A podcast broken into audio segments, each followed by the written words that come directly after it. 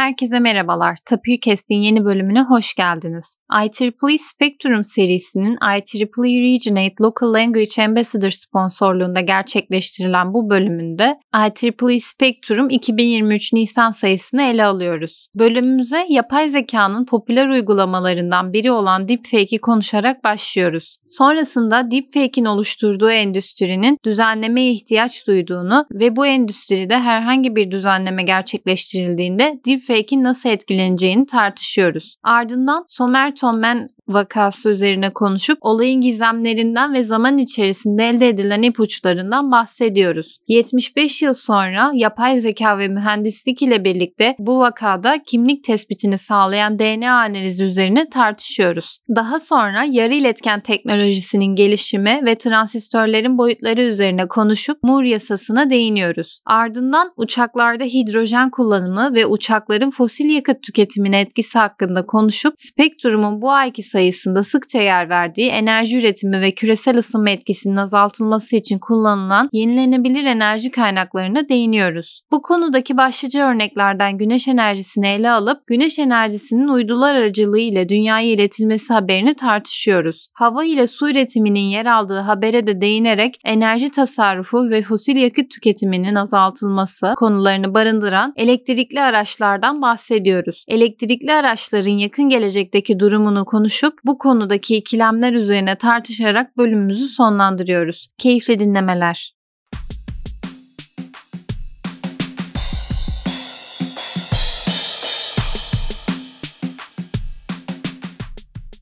Hoş geldin Bahadır abi. Hoş bulduk Seda. Bugün IEEE Spectrum Nisan 2023 sayısını konuşmak için bir aradayız. Her ay olduğu gibi yine birbirinden farklı alanlardan haberler var. Neredeyse her ay konuştuğumuz yapay zeka haberleri bu sayıda da yerini almış. O yüzden yapay zeka haberleriyle başlamak istiyorum. Son yıllarda popülerliği giderek artan hatta artık popülerliği bir yana bırakıp gündelik hayatta kullandığımız bir uygulama haline gelen deepfake ile başlamak istiyorum. Deepfake de yapay zeka denildiğinde öne çıkan uygulamalardan biri. Spectrum'un deepfake'e yer vermesinin sebebi de şu. Deepfake'in artık bir endüstri haline geldiğini söylüyor ve bu endüstride herhangi bir kurallar bütününün olmadığını belirtiyor. Bu endüstride birçok şirket artık deepfake adı altında bu işi yapıyor ve bir düzen düzen yok. Deepfake'in de popüler olduğu zamanlarda siyasi figürleri kullanarak ortaya çıktığını biliyoruz. Aslında Spectrum'un bu ayki sayıda belirtmek istediği deepfake endüstrisinde herhangi bir düzen olmadığı için şu zamana kadar yapılan her türlü yenilik, kurulan her şirket yeni bir düzenleme gelirse bütün işlerini sıfırlayacak mı? Bunun tartışması var aslında. O yüzden bir an önce bir kurallar bütününün gelmesini istiyor Spectrum anladığım kadarıyla. Şimdi deepfake teknolojisini düşündüğümüz zaman mevcut durumdan önceye aslında gitmek gerekiyor. O da zannediyorum bir 10 sene kadar önce yani vereceğim örnek aslında 10 sene kadar önce başlamıştı. Bilgisayar ya da video oyunlarında aktörlerin ya da aktrislerin yüzünün artık farklı animasyonlar ya da olmayan karakterler yerine oyunlarda bulunmasıyla aslında bir yüzün işlenerek sanal bir dünyaya aktarılması söz konusuydu. Ama tabii dediğin gibi yapay zeka yöntemleri ve derin öğrenme, makine öğrenme gibi teknikler burada kullanılarak bu yöntem ilerledi ve aslında deepfake adını verdiğimiz şeye geldi. Deepfake'i genel olarak biz nereden biliyoruz? Deepfake'in saldırgan kullanım ihtimali üzerinden biliyoruz. Çünkü gerçekten bunun senin de biraz önce söylediğin gibi legal otoriteler tarafından sınırlandırılmadığı yerde nereye gidebileceği aslında biraz aşikar. Sen yine örneklerini verdin. Herhangi bir konuşmacının yüzünü alıp siyasi figür yapıyormuşçasına zaten sesi de değiştirilebiliyor farklı teknolojilerle biliyorsun. Böyle bir işleme yapılabiliyor. Ama tabii yani burada dediğin gibi ben de katılıyorum sana. IEEE'nin yani Spectrum'un bu sayısının üzerinde durmasının sebebi teknolojinin gelişiminden çok bu teknolojinin bir regülasyona da tabi tutulması. Bir legal otorite olabilir ya da insanların normal olarak belirlediği herhangi bir sistem olabilir. Zaten aslında legal otoriteden anladığım kadarıyla kasıt o. Yani kimseye zarar gelmesin. Ama kimseye zarar gelmezken de mevcut şirketlerin, mevcut endüstrilerin bir zarara yol açma ihtimali varmış gibi yaklaşımından aslında çekiniyorlar diye tahmin ediyorum. Yani biz deepfake'i bu şekilde kullanacak bir şirket değiliz. Bu teknolojiyi kötüye kullanacak bir şirket değiliz ama kötüye kullanma ihtimali olanlarla aynı mı değerlendirileceğiz ve yaptığımız bütün işlere baştan başlamak zorunda kalacağız gibi bir kaygı var benim anladığım kadarıyla. Evet Bahadır abi kesinlikle çünkü deepfake'in bahsettiğimiz gibi gelişmiş bir endüstri olduğunu ve bu endüstride yüzlerce kişinin çalıştığını aynı zamanda herhangi bir düzenleme geldiğinde de bu endüstrinin olumsuz etkilenmesinden dolayı bir kaygı var dediğin gibi. Bu ayki sayıda da bu konuya kısa da olsa yer vermişler. Ben müsaade edersen şu yorumu da eklemek istiyorum. Hani bir atasözü var bizde. Duyduğunun hiçbirine, gördüğünün yarısına inan. Galiba geri kalan yarısında artık deepfake'in meydana getirdiği görsellerden oluştuğunu tahmin ediyorum.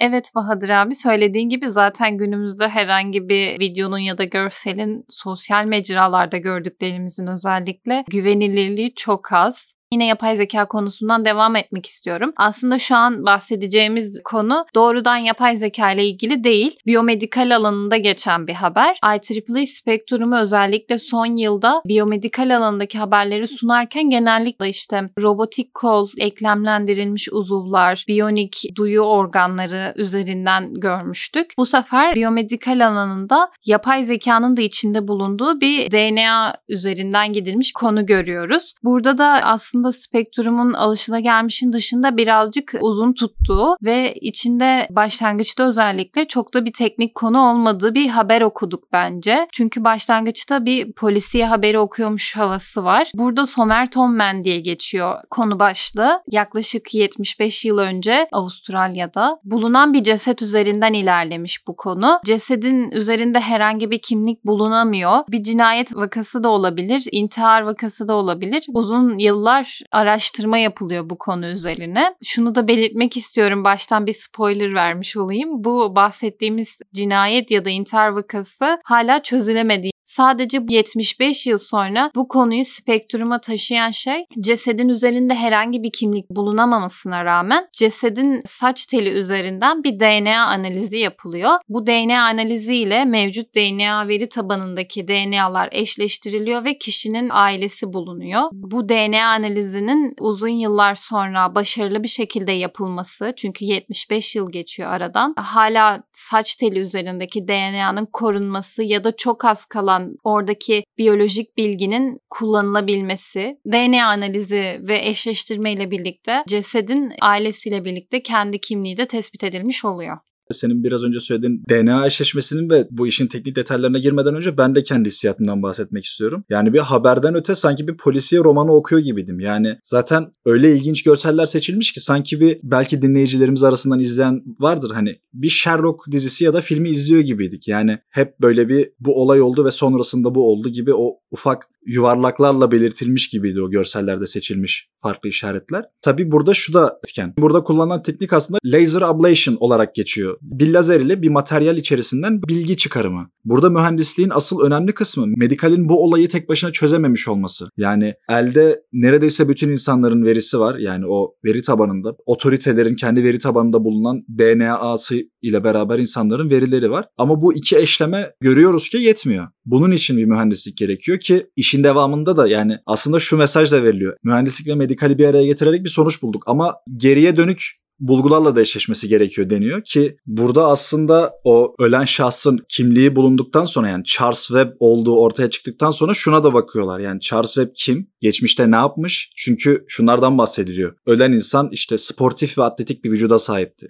Charles Webb'in daha önceki hayatına bakıyorlar. Yani mesela uzun bir yıl futbol oynadığı falan geçiyor. Yani aslında oradaki birçok şeyin eşleşmesi gerekiyor. Ve tabii ilginç detaylar da vardı. Şimdi yalnızca teknik boyutundan bahsetmek olmasın. Yani Charles Webb'in yani Somerton Man'in o zamanlar cebinde bulunan Ömer Hayyam'ın rubaiyatından bahsedildiği kısımlar da var. Ya ben biraz daha merak ettim açıkçası detayını. Farklı birkaç kaynaktan da okudum. Yani gerçekten böyle bir polisiye bir roman gibi ama aynı zamanda mühendisliğin de bu tip durumlarda nasıl etkin olduğu ve problemi nasıl çözdüğünü birden fazla bilim alanıyla bir araya gelerek nasıl çözdüğünü anlatan güzel, ilginç bir haber bence IEEE tarafından verilen. Bence de Bahadır abi baştan sona sürükleyici bir haber olmuş. Yapay zeka konuştuk bu kadar. Son zamanlarda özellikle hemen hemen her sayıda konuşuyoruz. Yapay zekadan konuşunca da hemen ardından şu konu geliyor. Bu yapay zeka uygulamalarını kullanıyoruz ama bunları devre düzeyinde kullandığımızda yapacağımız hesaplamaların hızı ve enerji maliyeti ortaya çıkıyor. Bunları da düşünmemiz gerekiyor. Bu hesaplamaların yapıldığı yarı iletken teknolojilerine de Spektrum yine sık sık yer veriyor. Bu ayki sayıda da kullanılan yarı iletkenlerin artık başka yarı iletkenlerle değiştirilip enerji tasarrufu elde edilebileceği vurgulanmıştı. İşte en çok kullanılan yarı iletkenlerden silikon, silikon yerine silikon karbit ya da galyum nitrit gibi yarı iletkenlerin de kullanılıp artık burada da bir devre düzeyinde enerji tasarrufu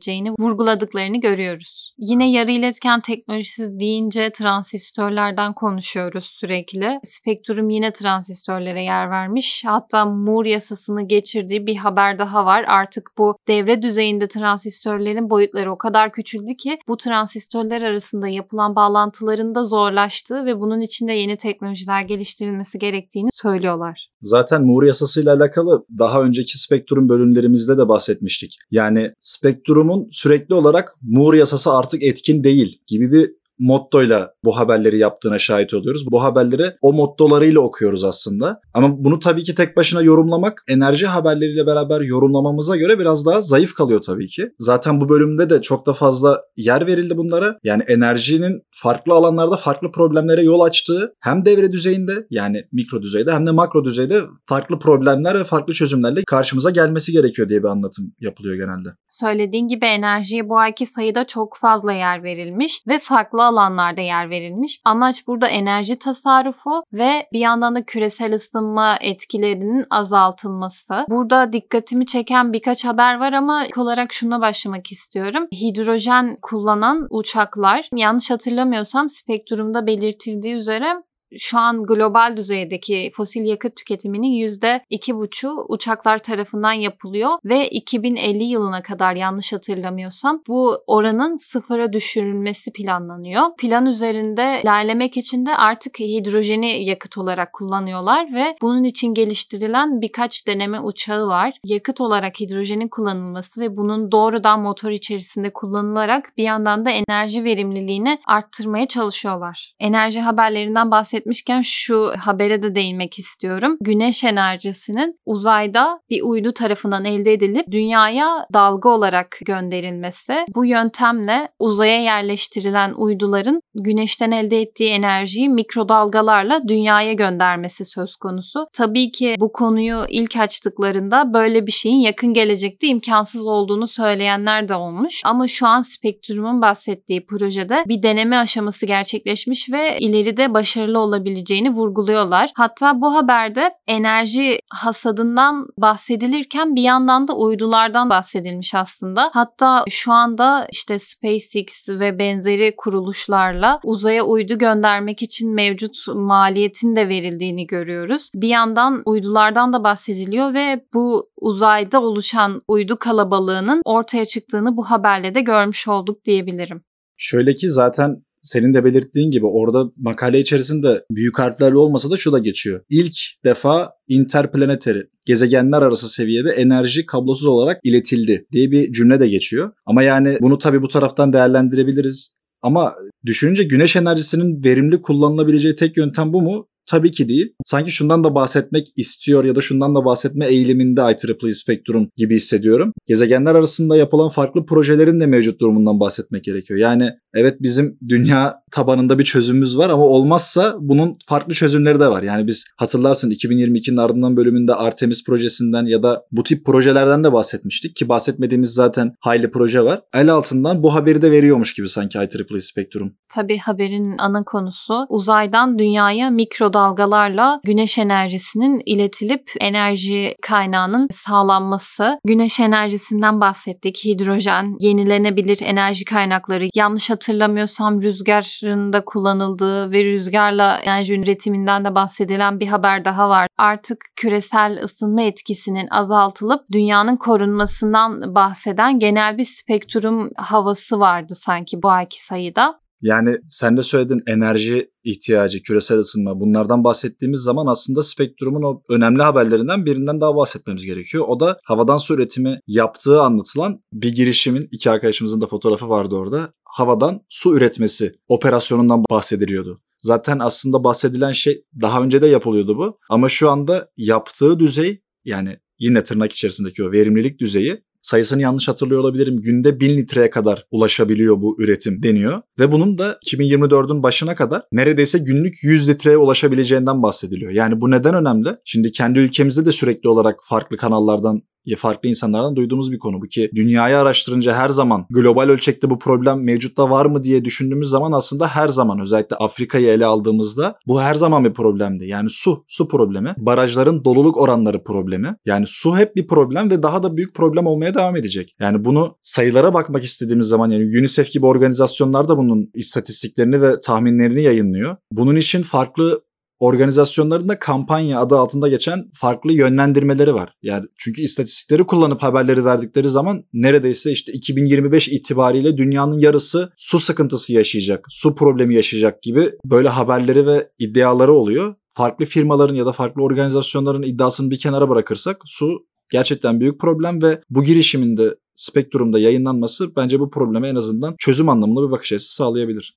Yanlış hatırlamıyorsam bu tarz havadan su üretimiyle ilgili birçok firma var ama spektrumda yer verilen bu girişimcilerin kullandığı yöntem ve bu yöntemin maliyeti ön plana çıkmış değil mi? Kesinlikle. Bu kadar çok enerji haberinden konuştuk. Aslında bahsettiğimiz gibi küresel ısınma etkisinin azaltılması da ön planda. Bu noktada bence bu iki konuyu da içeren elektrikli araçlara gelmek istiyorum. Çünkü elektrikli araçlardan bahsettiğimizde fosil yakıt tüketimini artıran diğer araçları oranla doğaya etkisi çok çok daha az. Ama bir yandan da burada yakın gelecekte nüfusun belirli bir kısmının elektrikli araçlara sahip olması planlanıyor. E, ileride bu kadar çok elektrikli araç kullanan insan olduğunda şebekenin bu araçlara elektriği nasıl sağlayacağı da bir tartışma konusu.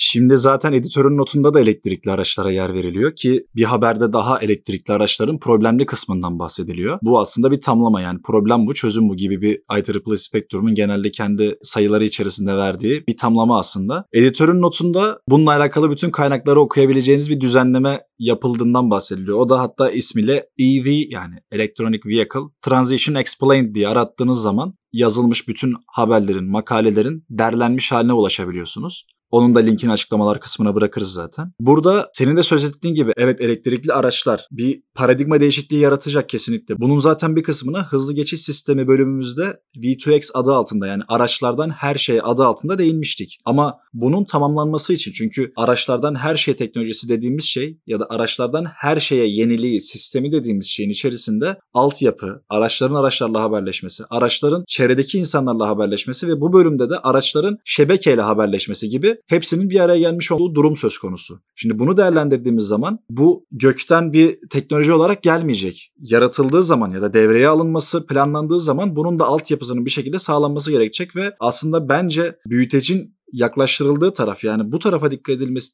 edilmesi gerekiyor ve bu tarafa üreticinin de dikkat etmesi gerekiyor dediği taraf IEEE spektrumun bunun getirmekle yükümlü olduğu zorunluluklar elektrikli araçlar konusunda çok fazla ikilem olduğunu ve birinin size elektrikli araçlarla ilgili bir soru sorduğunda spektrumdaki yazarın da söylediği gibi it depends cevabını almanız gerektiğini vurguluyorlar. Yani sorunun şu anki koşullara bağlı olduğunu vurguluyor. Bu ikilemler işte elektrikli araçların sayısı giderek arttığında bu elektrikli araçların şarjı için şebeke kullanılacak. Şebeke gece mi kullanılırsa daha avantajlı yoksa gündüz mü? İnsanların çoğu şunu söylüyor. Gece kullanmalıyız çünkü şehirde o zaman enerji, elektrik kullanan insan sayısı az olduğu için şebeke bu araçlara enerji, elektrik sağlayabilecek. E bir yandan da gündüz kullanmanın şebekeyi daha fazla katkı sağlayabileceği de vurgulanıyor. İşte hatta elektrikli araçların şebekeyi besleyebileceği ve yardımcı olabileceği bu konuda. Bunlar da vurgulanmış. Yani dediğim gibi ikilemlerin de sunulduğu bir elektrikli araç haberi okumuş olduk. Yani bunu tek başına sadece elektrikli araçlar nasıl şebekeyi kullanacak anlamına değerlendirmek bence çok zayıf kalıyor. Bunu değerlendirirken biraz önce bahsettiğimiz o güneş enerjisi haberinden de